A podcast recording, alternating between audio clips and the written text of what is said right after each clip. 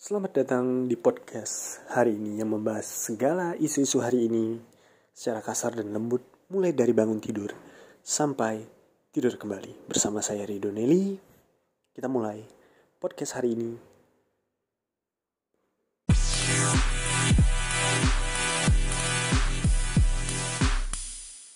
Oke, Selamat eh, datang di podcast hari ini. Kali ini di podcast hari ini pada episode ketiga kita akan membahas tentang cerita mahasiswa di dunia kedokteran. Nah, cerita mahasiswa di dunia kedokteran ini saya tidak sendirian karena saya sudah mengundang eh, salah satu mahasiswi kedokteran dan kita akan menyapa dia. Bagaimana kabarnya hari ini? Eh, di sini sudah ada Gabrina Miranti, salah satu mahasiswa mahasiswi kedokteran ya. Bagaimana kabarnya hari ini? Halo, Nah, apakah baik hari ini? Alhamdulillah sehat. Nah, eh, pertama-tama saya mau bertanya, karena kita akan bahas tentang ini ya, eh, dunia kedokteran ya, di, di seputaran bagaimana kehidupan mahasiswa kedokteran. Nah, bagaimana eh, sebenarnya dunia kedokteran dan bagaimana sebagai mahasiswa itu menikmati belajar di dunia kedokteran. Karena nggak semua orang bisa menikmati dunia kedokteran kan? Nah coba kita tanya kepada eh, salah satu narasumber kita hari ini ya. Mungkin bisa dijelaskan? Dari mana dulu nih? Eh, dari awal mungkin dari awal tertarik masuk ke dunia kedokteran itu seperti apa dan juga setelah masuk itu prosesnya seperti apa kehidupan di dunia kedokteran. Bagaimana juga have fun-nya di dunia kedokteran dan sebagainya. Mungkin bisa diceritakan panjang dan lebarnya biar eh, pendengar podcast hari ini bisa mengetahui eh, kehidupan mahasiswi kedokterannya oke mungkin bisa dijelaskan. Oke, kalau dari awal-awal ya, awalnya saya memilih kedokteran itu karena jujur saja nih, saya tuh nggak bisa fisika, Wah, jelek banget di fisika. Eh, konsepnya bisa, tapi kalau udah ke soalnya lebih dalam, saya nggak bisa. Nah, kalau di eh, kuliah teknik itu kan pasti pakai fisika semua dong, pakai matematika yang juga eh, butuh komprehensif untuk memahaminya pemahaman komprehensif. Nah, saya sadar nih, saya nggak bisa di situ. Seperti banyak mahasiswa kedokteran lainnya juga mungkin. Akhirnya saya mi- mikir em, jurusan apa yang kira-kira tidak butuh em, terlalu banyak fisika di sana dan matematika di sana. Ya seperti orang biasa saja, saya akhirnya memilih kedokteran. Nah, tapi kan orang banyak juga berpikir kalau kedokteran itu adalah jurusan yang menghafal. Nah, itu salah banget sih sebenarnya, salah besar.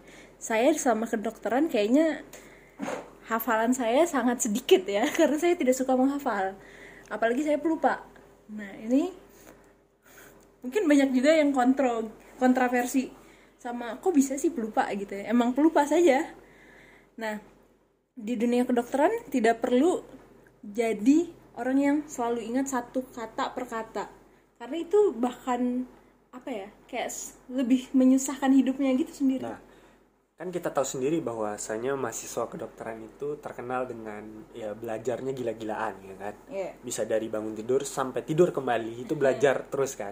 Nah, bagaimana mahasiswi atau mahasiswa kedokteran itu menikmati masa-masa ketika menjadi mahasiswa karena banyak sekali mahasiswa jurusan lain kan menikmati masa-masanya dengan nongkrong atau dengan mencari pengalaman lain di di luar dunia akademik ya. Nah, bagaimana mahasiswa atau mahasiswa kedokteran itu menikmati hal itu atau mencari siasat lain selain akademik saja? Atau memang dia sudah menikmati ketika belajar itu? Nah, menarik sih sebenarnya, karena mungkin bagi sebagian orang yang memilih jurusan ini adalah salah satu escape dia. Seperti saya escape, tapi ada juga yang mungkin passion dari awal. Ada juga yang tercebur saja nih karena dipaksa orang tua, karena em, eh, jurusan lain tidak lulus atau tidak lulus kuliah luar negeri biasanya kan akhirnya diterima di kedokteran ya sudah ambil saja. Nah, tentunya kalau udah dari passion itu semua hal jadi lebih gampang sih sebenarnya. At least dari passion semua hal menjadi lebih mulus buat dikerjain. Tapi jangan salah banyak banyak juga teman-teman saya yang awalnya itu karena orang tua. Saya dengar sendiri dia dia curhat bener-bener kayak mau nangis karena orang tua. Tapi pas semester akhir akhirnya dia menikmati. Bahkan dia udah tahu dia oh aku mau ngambil ini deh S2 nya oh aku mau jadi spesialis ini deh gitu. Akhirnya dia menikmati juga.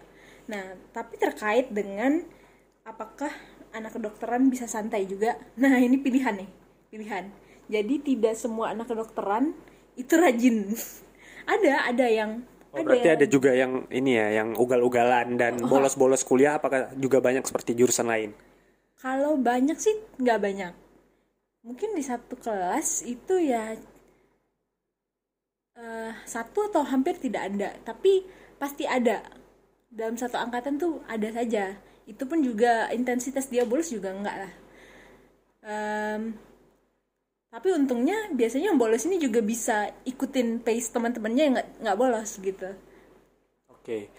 Nah, kemudian terkait dengan ini penampilan mungkin. Nah, banyak sekali kan dari kita melihat bahwasanya kalau misalnya melihat mahasiswa atau mahasiswa kedokteran itu penampilannya mungkin ada beberapa yang tetap modis ya kan. Tapi apakah ada penampilan yang masih ugal-ugalan untuk cowoknya ya? Seperti dia emang masih rock and roll gitu gayanya. Sedangkan dia kuliah di mahasiswa kedokteran yang mewajibkannya untuk rapi kan ketika kuliah kan. Harus pakai kemeja masuk ke dalam mungkin ya. Ada pakai celana kain dan sebagainya ya kan. Apakah ada yang ternyata tetap berjiwa itu gitu. Dan itu ditunjukkannya ketika berkuliah. Apakah masih ada yang seperti itu? Nah, oke. Emang hampir tidak ada. Hampir tidak ada. Tapi saya ada punya temen yang kayak gitu. Satu aja. Satu. Sisanya nggak ada. Memang kalau dibandingkan dengan fakultas lain, tampak lebih lebih rapi lah. Bukan lebih rapi sih sebenarnya. Karena nggak dibolehkan kan. Nggak boleh ngecat rambut. Tidak boleh pakai jeans. Tidak boleh pakai kaos. Harus pakai kemeja rapi. Pakai celana yang eh, basic. Celana bahan saja tapi ada tuh teman saya eh, teman saya ini rambutnya bener-bener eh, panjang ya keriting dan panjang tidak pernah digunting. Kami bilang dia itu punya malaikat pelindung karena dia selalu selamat dari omongan-omongan dosen. Kalau dosen pokoknya beruntung sekali nih kalau dosen mau nangkep dia pasti ada aja sesuatu yang terjadi hingga dia tidak jadi tertangkap. Entah dosen itu lupa atau dosen itu nggak kelihatan padahal hanya berjarak eh, satu setengah meter sama dia. Tapi dia tetap mampu mengikuti pelajarannya atau memang dia tetap memang bisa gitu atau memang atau memang juga nggak bisa mengikuti kuliah kedokteran atau dia juga tetap bisa hanya penampilannya aja seperti itu. Dia tetap bisa karena pada akhirnya kan akan banyak ujian nih akan banyak ujian. Mau tidak mau harus ikut ujian untuk prasyarat blok berikutnya gitu. Atau eh, kalau misal apa? Kalau misalnya ada yang tidak bisa kan tidak bisa koas nantinya. Jadi mau tidak mau sepanjang blok dia harus menyelesaikannya dengan em, nilai yang mencukupi. Nah oke mungkin salah satu contoh yang udah tren mungkin seperti dokter Tirta ya. Nah penampilannya kan itu Iya. Apa fashionable anak-anak zaman sekarang ya dan terlihat ekstrim lah dengan rambut pirang dan segala macam bahkan warna pink tatoan tapi ternyata dia berkuliah di salah satu fakultas kedokteran terbaik ya di UGM nah mungkin salah satunya seperti itu. Jadi mungkin pen- eh, penampilan juga tidak bisa menggambarkan kemampuan seseorang ya kan. Walaupun memang sedikit atau memang harus diwajibkan ya ketika kuliah di kedokteran harus bersikap rapi lah karena supaya dari penampilan itu juga bisa eh, mengubah persepsi pasien dan segala macam ya kan Ya, itu benar banget. Karena pernah ada kuliah komunikasi. komunikasi dokter tentang pasien. eh, tentang dokter dan pasien Ya, nah di situ ditunjukkan juga ada penelitian yang menunjukkan tentang pakaian dokter terhadap eh, trust pasien kepada dokternya. Jadi memang di Indonesia itu em, atau Asia pasien lebih percaya pada dokter yang masih pakai jas, masih pakai jas, terus untuk pasien wanitanya rambutnya tidak dicat, terus menggunakan makeup yang minimal. Apakah eh, sebagai dokter boleh memakai pakaian seperti dokter Tirta boleh-boleh aja tapi trust pasien di penelitian itu terbukti lebih rendah daripada trust pasien kepada dokter yang memakai jas. Oke, nah berarti dari obrolan ini kita bisa menangkap kesimpulan bahwasanya penampilan itu juga sedikit banyak berpengaruh lah ya Iya, terhadap pasien. eh, pasien kepercayaan pasien ya. Mm-mm, tapi ya kualitasnya berbalik lagi kepada orangnya masing-masing tentu. Nah, benar sekali kualitasnya berbalik lagi oleh kemampuan dokter itu masing-masing. Nah, eh, pertanyaan saya berikutnya ini menyangkut dengan eh, masih seputar dunia kedokteran ya. Nah, di dunia kedokteran mahasiswa atau mahasiswi ini kan jadwalnya sudah padat ya kan. Kemudian di dunia mahasiswa kan ada kegiatan-kegiatan ekstrakurikuler ya. Seperti BEM, organisasi-organisasi lain seperti UKM gitu. Kebanyakan dari pengalaman saya berkuliah ya di jurusan yang eh, berbeda ya dengan kedokteran. Itu kan anak-anak non eksak ataupun selain kedokteran itu beberapanya memang aktif ikut di organisasi-organisasi ekstra seperti itu. Nah, tapi anak kedokteran ini ketika dia ikut nyemplung juga di organisasi itu, dia tidak 100% eh, memberikan eh, energinya. Karena memang bisa diwajarkan gitu kan. Karena dari akademiknya saja dia sudah keteteran gitu kan. Penuh dengan eh, mata kuliah-mata kuliah yang harus diselesaikannya. Nah, bagaimana hmm, kamu menanggapi hal ini?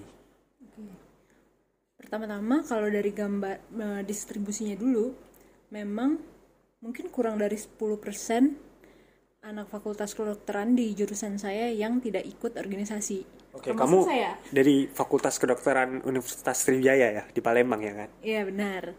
Jadi menurut saya 90% lebih nih teman-teman saya itu mengikuti organisasi. Jadi saya sedikit outlier nih kan sebenarnya kan. Nah, em, organisasi yang mereka pilih itu pun sebenarnya menurut saya sangat berkaitan dengan em, kebutuhan akademis. Organisasi apa? Di sana itu ada TBM ya. Kalau buat kedokteran tuh TBM, tim bantuan medis. Tim bantuan medis. Terus ada eh, FKIA kalau di eh, kampus kami. Nah, itu kalau TBM ini dia untuk apa ya? Kayak hari Minggu biasanya nunggu orang habis senam-senam dia periksa eh, periksa gula darah, periksa eh, tensinya berapa gitu-gitu, pemeriksaan gratis atau Ya lebih ke murah. sosial gitu ya. Iya, kerja sosial. Nah, kalau yang FKIA ini dia di bidang akademis. Di bidang akademis bagi-bagi teman-teman yang suka meneliti itu sering diadakan seminar di sana. Bisa ikut organisasi ini. Ada juga AMSA namanya. Nah, ini juga sama lebih banyak sosialnya dan ada BEM tentunya. Nah, paling yang agak hektik itu yang BEM sih. Kalau yang lainnya masih berkaitan sama dunia kedokteran dan mereka kayaknya enjoy-enjoy aja sih. Oke, nah mungkin eh, terkait masih terkait dengan kegiatan mahasiswa ya di dunia kedokteran. Nah, kebanyakan dari mahasiswa atau mahasiswi kedokteran ini dia memang tidak bisa memberikan energi 100% ya pada organisasi seperti BEM ataupun organisasi UKM lainnya. Namun eh, orang teman-temannya pun sendiri itu seperti memaklumi itu ya kan? Karena jurusan kedokteran wajar gitu dengan kesibukannya seperti itu. Itu yang banyak saya temui juga gitu dari teman-teman mahasiswa atau mahasiswi kedokteran tapi dari saya berkaca apakah teman-teman mahasiswa atau mahasiswi kedokteran ini eh, bisa dikatakan banyak yang memikirkan diri sendiri atau tidak? Karena kalau berdasarkan perspektif saya saya melihat banyak sekali teman-teman dari mahasiswa atau mahasiswi kedokteran ini walaupun tidak semua ya ini tidak menjudge secara general ya ada beberapa yang memang terlihat memikirkan diri sendiri. Seperti Eh, seperti dia eh, karena memang akademisnya padat gitu kan. Jadi dia eh, tidak menyelesaikan tanggung jawabnya yang lain gitu seperti di eh, organisasi lainnya. Ataupun secara relasi sosial dia agak buruk gitu. Maksudnya pertemanan dia agak sedikit temennya. Oke. atau susah untuk bergaul. Karena dia terkungkung di dalam kamar sekat-sekat kamarnya untuk belajar saja. Jadi relasi sosialnya sedikit agak buruk dan eh, apa ya kehidupan sosialnya tidak terlalu baik gitu. Ada juga yang seperti itu walaupun tetap ada yang baik ya kan? Tidak mengeneralisir ini. Nah perspektif anda tentang hal ini seperti apa mengenai mahasiswa atau mahasiswa kedokteran yang seperti ini yang sulit untuk bergaul? Oke, em, saya jawab dulu yang pertama ya. Kalau misalnya, apakah apa yang tadi yang pertama?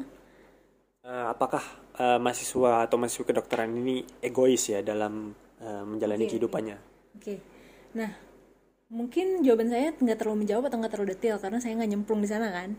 Nah tapi yang saya lihat nih, karena misalnya di TBM atau di FKIAI itu anggota-anggotanya ya dari jurusan kami saja. Anggota-anggotanya dari jurusan kami dan misalnya 3-4 tahun eh, angkatan, 3-4 angkatan itu kan. Nah, karena kami sudah tahu dan sudah hafal, sudah kenal patternnya bagaimana, bagaimana jadwal kuliah, bagaimana jadwal ujian, sehingga menurut saya itu bisa disesuaikan. Jadi misalnya mereka tidak akan melakukan sosialisasi di dekat-dekat waktu ujian. Itu bisa direncanakan. Atau kalau misalnya mau melakukan kegiatan di dekat ujian, yang angkatan ikut itu eh, tidak terlalu diikut sertakan, digantikan dengan angkatan yang lain. Jadi masih ada balance-nya. Kalau saya sih gitu. Kalau untuk egois saya pikir enggak ya karena akhirnya terselesaikan juga. Dan memang kalau di kampus kami itu em, organisasinya organisasinya mencakup satu jurusan yang terdiri dari tiga empat angkatan itu. Oke, jadi eh, dari perspektif Gabrina bisa dilihat eh, memang ini ya mereka sulit atau keteteran ya, tapi masih Iya, bisa, iya. masih Benar, bisa, masih bisa menyelesaikan tapi ya. Iya benar, keteterannya benar. Saya lupa bilang, em, tentu pas mau ujian ada masih ada kegiatan kan, walaupun bukan kegiatan besar seperti rapat atau kegiatan apalah itu kan. Banyak juga teman saya yang mengeluh, aduh belum belajar, padahal saya mau rapat. Aduh, ya itu kembali lagi ke pilihan masing-masing. Akhirnya, apakah anda mau eh, cabut dari rapat itu dan milih belajar saja.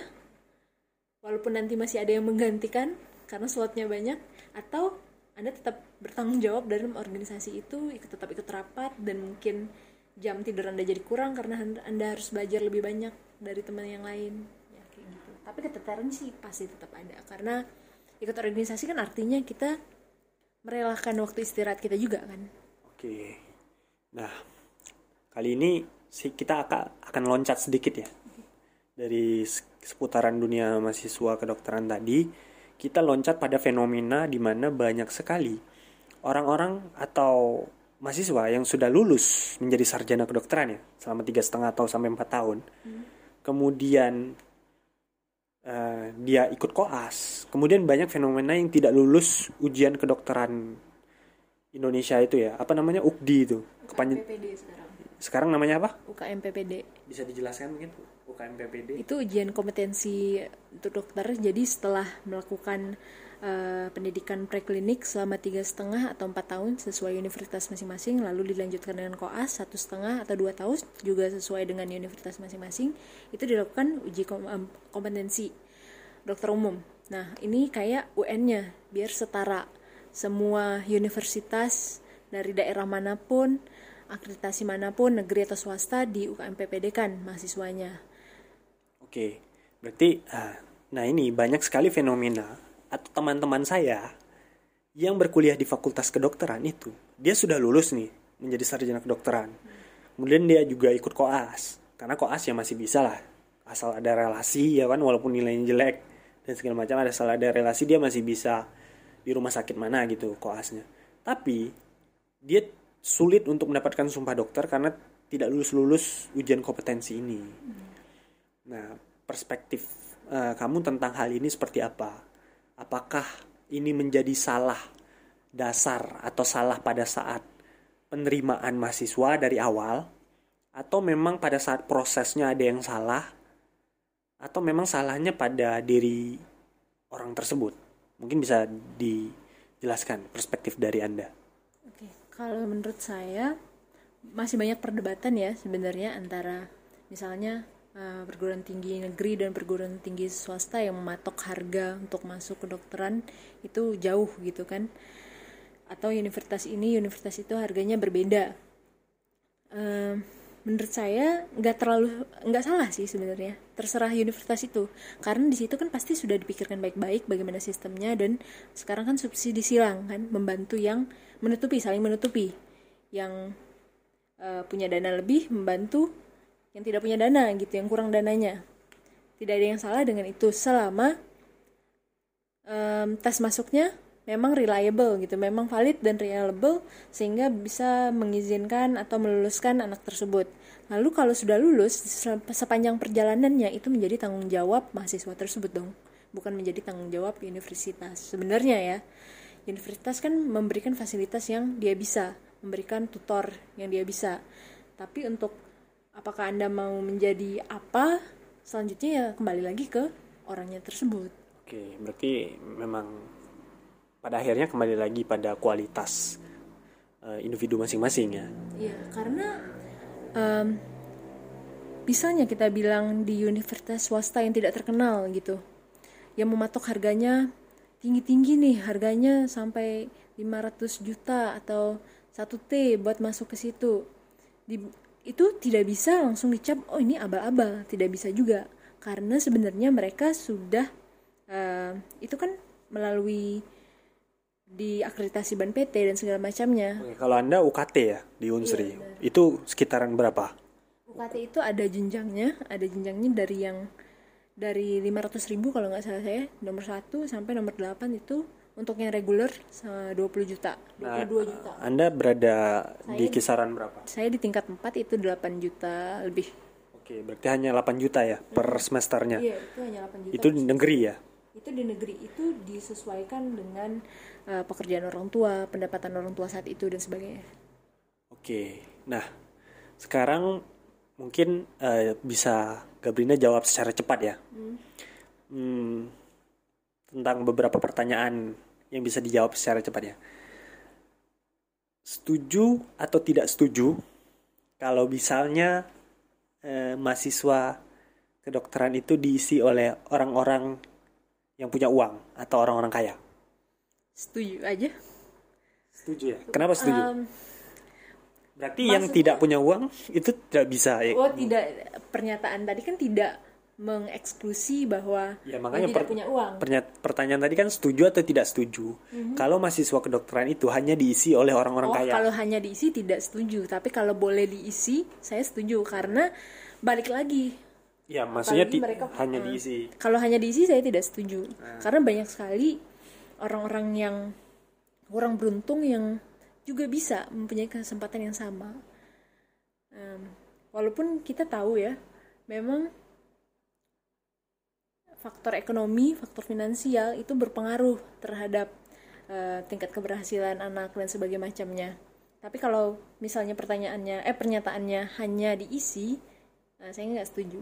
Kalau boleh diisi, ya menurut saya sih oke okay aja. Karena uh, selama ini sistem yang berjalan juga begitu kan? Oke. Okay. itu udah terjawab ya. Uh, sekarang selanjutnya mungkin terakhir ya. Terakhir mungkin Gabrina bisa memberikan statement terakhir. Mungkin kepada adik-adik yang mau melanjutkan pendidikan di kedokteran ya. Mm-hmm. itu mungkin bisa dikasih tips atau inilah opininya Gabrina tentang ada-ada yang mau masuk ke dokteran itu seperti apa. Jadi supaya jangan salah mengambil. Sebenarnya karena gini banyak sekali orang yang berpikir, oke okay, saya ingin jadi dokter, tapi dia tidak tahu sebenarnya itu bukan passionnya dia, karena belum menemukan. Ada yang disuruh orang tua, ada yang hanya berpikir enaknya aja ya kan. Mungkin kan ekspektasi atau bayangan orang kan beda-beda tentang iya. dunia kedokteran ya kan. Nah ternyata itu ternyata pas udah masuk bukan passionnya dia. Nah itu sarannya supaya menemukan passionnya terlebih dahulu itu seperti apa? Dan bagi yang memang mau berminat ke, dok ke kedokteran apa aja yang perlu disiapkan? Mungkin ini pertanyaan terakhir yang bisa dijawab. Oke kalau untuk menemukan passion mungkin uh, ini banyak jawabannya ya bagaimana. Tapi dari pengalaman saya ya kamu cari sendiri bagaimana. Kamu dari dari um, Misalnya dari yang paling basic gitu pelajaran apa yang kamu suka? Ini semua orang bicarain pelajaran apa yang kamu suka. Terus kamu lihat juga bakat kamu di mana gitu. Bakat jangan hanya kamu sukanya di mana tapi tidak ada bakat di situ. Ya udah kembangin. Kalau mis terus kamu harus lihat-lihat cari mulai searching di internet gimana masuk kuliah ini bagaimana um, kemungkinan saya diterima di sini. Terus prospek kerjanya bagaimana? Jangan kamu asal mau tapi ternyata prospek kerjanya tidak ada gitu. Walaupun itu oh unik gitu unik di universitas yang terkenal tapi prospek kerjanya masih sangat sempit di Indonesia misalnya. Jadi untuk passion itu harus dicari. Walaupun kita tidak tahu karena memang dalam masa remaja itu masih mencari-cari kan. Nah kalau untuk menjadi dokter sebenarnya ini jalan yang sangat panjang menurut saya. Saya dan teman-teman saya itu sering sekali di tengah jalan berpikir ah kenapa aku nggak masuk ini aja ya kalau saya tahu tuh harusnya Iya, masuk karena aja. jurusan lain itu 7 atau enam tahun itu udah bisa mendapat gelar master ya atau magister ya kan. Iya. Sedangkan dokter itu baru jadi dokter ya kan. Mm-mm. makanya kami di tengah Dan jalan sebenarnya juga dokter ketika menjadi dokter juga eh, tidak langsung kaya atau kalau hanya berpikir materi ya mending jadi pebisnis ya kan. benar. Atau kerja di jadi akuntan atau di Iya. perusahaan-perusahaan bonafit juga banyak uangnya dibanding jadi dokter Benar, yang benar. kuliah panjang tapi juga uangnya itu nggak banyak gitu kan sebenarnya Mm. Jadi dokter itu sebenarnya kayak menginvestasi diri sendiri sih. Kami di tengah jalan tuh sering sekali berpikir, oh kenapa kami tidak masuk hukum saja ya? Bisa jadi pengacara terkenal, bisa jadi begini, bisa jadi begitu. Oh kenapa tidak masuk jurusan akuntansi saja ya? Walaupun ya udah gitu berusaha sebagus mungkin bisa jadi biar jadi lulusan terbaik di akuntansi, kerja di bank terkenal, bla bla bla. Eh, kayaknya bakal karirnya bakal bagus saat saya umur saya umur saya baru 24 25 kayaknya karir saya bagus-bagus aja tuh mulai bagus. Kalau di kedokteran eh, umur 22 saja baru lulus koas baru lulus koas. Itu belum digaji tuh koas kan belum digaji. Terus 22 5 tahun tuh 5 tahun dari preklinik sampai ke koas kuliah biasa sampai ke koas 5 tahun. Kemudian harus melanjutkan lagi melanjutkan internship. Satu tahun. Tadi lima tahun sampai enam tahun. Satu tahun internship. Satu tahun internship em, itu apakah gajinya 20 juta 30 juta? Tentu tidak. Mungkin tidak etis kalau saya menyebutkan dan saya juga kurang tahu sebenarnya. Tapi nggak sebesar itu juga dokter internship. Kemudian eh, dokter setelah menjadi dokter internship biasanya dia kerja juga di mana? Atau dia mengabdi kepada bagian mana karena dia mau lanjut sekolah? Setahun dua tahun tiga tahun bisa. Nah nah kemudian untuk melanjutkan sekolah berikutnya misalnya untuk menjadi spesialis karena standarnya spesialis orang banyak kan itu tidak mudah juga. Spesialis itu orang-orang yang masuk spesialis itu adalah em, oh, benar-benar orang yang terpilih. Karena selain pintar mereka punya uang mereka punya kesempatan mereka beruntung gitu. Jadi sangat-sangat beruntung. Dan apa ya buat punya hidup yang mulai stabil itu mungkin setelah spesialis. Setelah lulus dokter spesialis PPDS-nya baru hidupnya mulai stabil mulai membaik. Itu pun tidak langsung skyrocketing gitu. Langsung oh jadi langsung kaya bisa punya Alphard langsung tidak kan? Itu baru membangun satu persatu fondasi.